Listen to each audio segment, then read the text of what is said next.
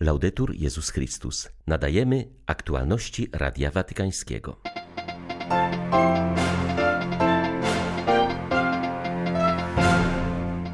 Kościół obchodzi dziś po raz piąty Światowy Dzień Ubogich, ustanowiony przez papieża Franciszka.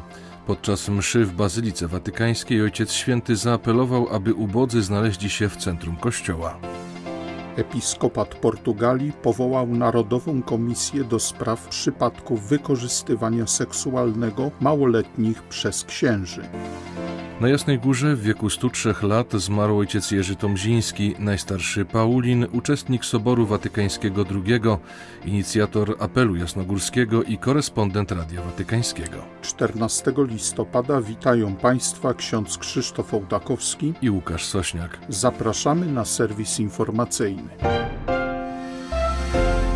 Kościół przeżywa dziś piąty Światowy Dzień Ubogich, ustanowiony przez papieża Franciszka. W tym roku towarzyszą mu słowa z Ewangelii według świętego Marka: Ubogich zawsze mieć będziecie, wypowiedziane przez Jezusa w Betanii. Z tej okazji Ojciec Święty odprawił mszę w Bazylice Watykańskiej.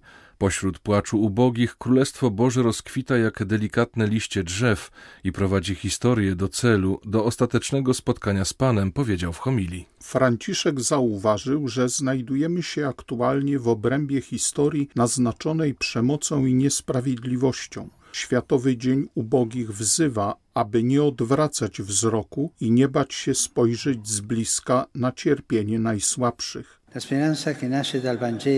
Nadzieja zrodzona z Ewangelii nie polega bowiem na biernym oczekiwaniu na lepsze jutro, lecz na urzeczywistnianiu już dziś obietnicy Bożego zbawienia.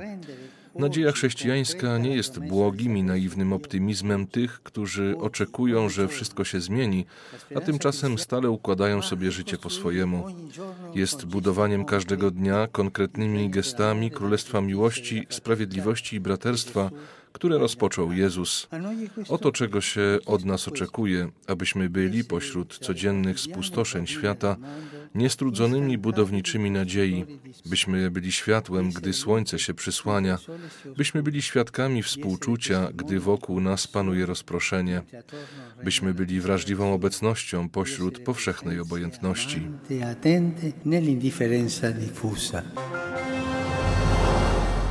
Niech Pan pomoże nam stać się bardzo małymi, aby On mógł być w nas wielki. Powiedział papież w orędziu na Piąty Światowy Dzień Ubogich. Zaznaczył, że czuje się blisko ubogich na całym świecie. Wskazał na różne bolesne i trudne sytuacje, które są dzisiaj źródłem cierpienia ludzi. Przebywanie w więzieniach, slumsach, szpitalach oraz w opuszczonych dzielnicach. Przypomniał o wojnach spychających ludzi w nędzę, ale także o samotności, lęku, depresji i uzależnieniach. Ojciec Święty podkreślił, że Kościół niesie światu dobrą nowinę, która przypomina, iż Jezus potrzebuje ubogich, aby zbawić świat. On przyszedł dla nas ubogich, maluczkich, chorych, zranionych życiem, aby napełnić nas swoją miłością. Jeśli uznajemy siebie za ubogich, uznajemy swój brak, to Bóg może wejść w ten brak. Pierwsze błogosławieństwo Jezusa odnosiło się do ubogich. Stawanie się ubogimi w naszych sercach jest radykalnym zaproszeniem do odarcia się z tego, co posiadamy lub co wydaje się nam, że posiadamy, z naszego grzechu, aby pozwolić Bogu przyjść i napełnić nas swoją miłością. Na zakończenie Franciszek zwrócił się w bardzo bezpośrednich i osobistych słowach do ubogich. Proszę Was o przebaczenie w imieniu wszystkich chrześcijan, którzy Was zranili, zignorowali i upokorzyli. Każdy mężczyzna i kobieta jest świątynią Boga. Wy jesteście świątynią Boga, jesteście skarbem Kościoła. Wasze miejsce nie jest przy drzwiach kościołów, ale w jego sercu. Bądźcie świadomi, że jesteście szczególnie umiłowani przez Boga. Wśród Was są ukryci święci. Zachęcam Was, abyście coraz bardziej kochali Jezusa, abyście Go adorowali, abyście się do Niego modlili. On w Eucharystii czyni siebie ubogim. Dajcie Mu uprzywilejowane miejsce, pierwsze miejsce w Waszych sercach, aby On mógł się narodzić w nich. Bądźcie świadkami Jego miłości w świecie.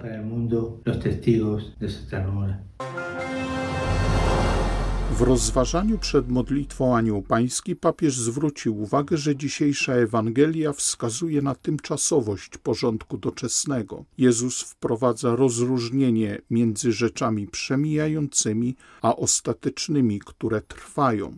Dlatego warto budować swoje życie na słowie Pana, które wykracza poza to, co doraźne i ulotne. Franciszek postawił pytanie, co stanowi centrum pulsujące serce Słowa Bożego. Jest nim miłość, która nigdy nie ustaje. Ten, kto czyni dobro, inwestuje w wieczność i buduje niebo na ziemi. Ojciec Święty zachęcił do refleksji nad naszymi życiowymi dążeniami, w co inwestujemy nasze życie, czy w to, co przemija jak pieniądze, sukces, wizerunek oraz dobrobyt. Kiedy jesteśmy młodzi, to zwykle cieszymy się dobrym zdrowiem, ale kiedy przychodzi godzina pożegnania, musimy zostawić wszystko.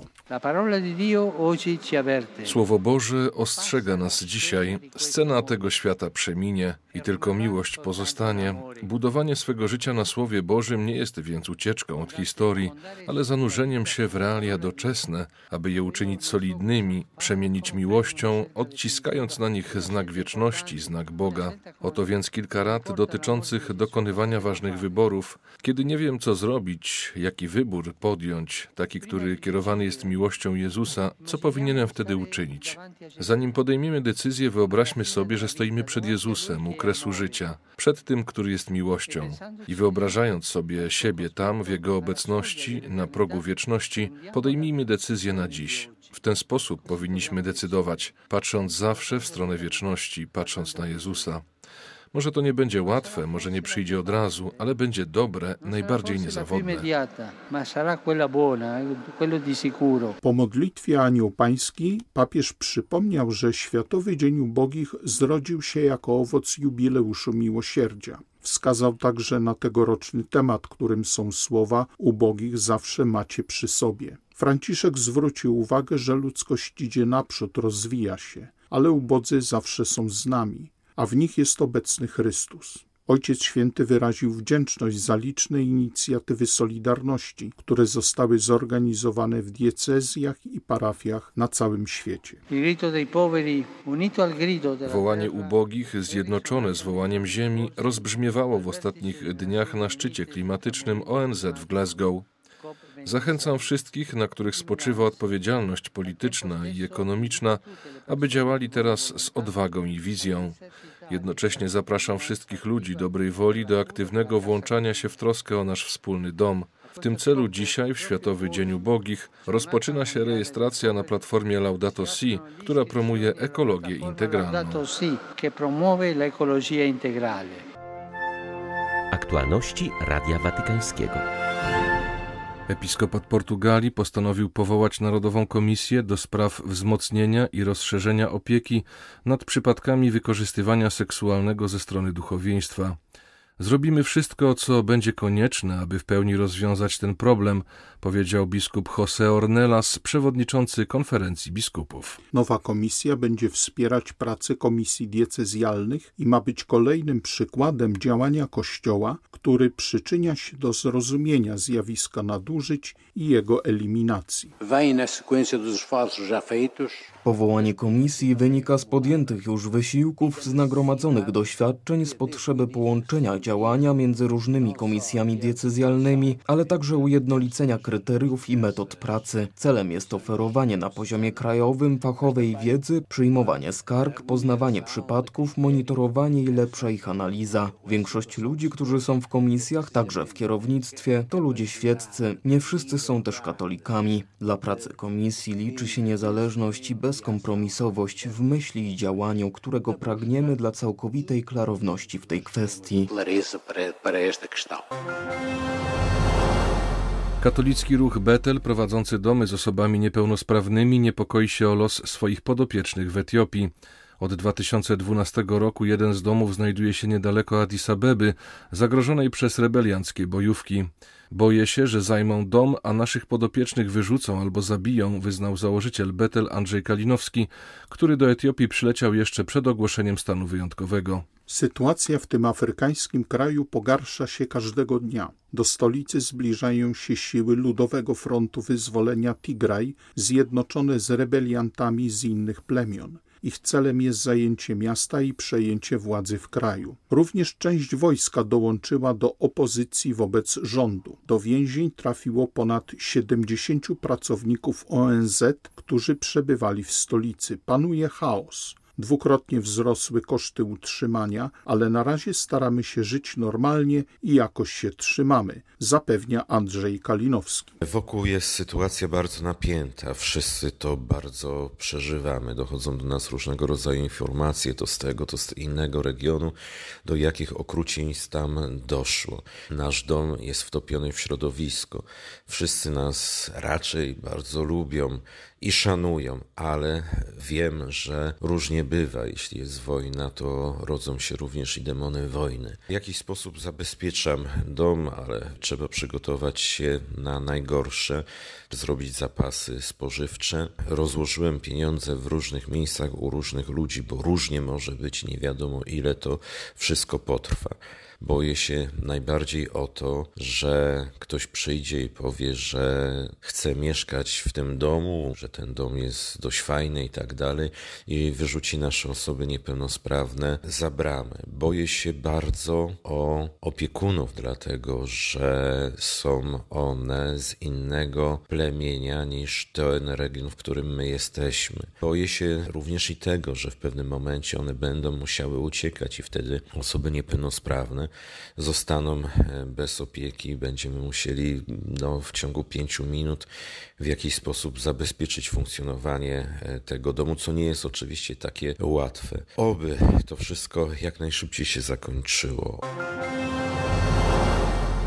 Dzisiaj w nocy zmarł ojciec Jerzy Tomziński, miał prawie 103 lata. Był żywą historią kościoła i ojczyzny, legendarny Paulin, trzykrotny przeor częstochowskiego klasztoru i dwukrotny generał zakonu, był jedynym żyjącym dotąd w Polsce uczestnikiem Soboru Watykańskiego II, przyjacielem kilku papieży i kardynała Wyszyńskiego, organizatorem uroczystości milenijnych i szóstego Światowego Dnia Młodzieży. Był także korespondentem Radia Watykańskiego zawsze skromny i uśmiechnięty, podkreślał, bez Jasnej Góry byłbym nikim. Urodzony w 1918 roku, równolatek odrodzonej Rzeczpospolitej, świętej pamięci ojciec Jerzy zainicjował narodową modlitwę o uwolnienie prymasa Wyszyńskiego, która stała się apelem jasnogórskim.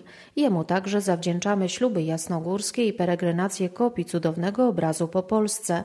Pracując wśród Polonii w Rzymie, a później jako generał zakonu, uczestnicząc w pracach Soboru Watykańskiego, propagował kult Matki Bożej Jasnogórskiej, szerząc tym samym wiedzę o Polsce i sanktuarium. Zawsze podkreślał, że to Jasna Góra była jego życiową legitymacją. U mnie w życiu była Jasna Góra. Bez Jasnej Góry ja bym niczym, dosłownie. Na Soborze, w Ameryce, w Hiszpanii przez Jasnej Góry. I to była legitymacja. W Jasnej Górze zawdzięczam za wszystko. Świętej pamięci ojciec Jerzy wpisał się wyraziście w historię ojczyzny. Dostrzegł to polski prezydent Andrzej Duda, który w setne urodziny osobiście podziękował mu za miłość do ojczyzny, udział w ocaleniu narodowej dumy i tożsamości, zaliczył go do grona niezłomnych kapłanów, przekazujących wolną i demokratyczną Polskę następnym pokoleniom. Kochanie, przemyjcie moje słowo do starego ojca. Trzymajcie się Jasnej Góry. Kochajcie Jasną Górę. Warto, warto, jeszcze raz warto. I tego Wam życzę. Dla Radia Watykańskiego Izabela Tyras, Biuro Prasowe Jasna Góra News. Były to aktualności Radia Watykańskiego. Laudetur Jezus Chrystus.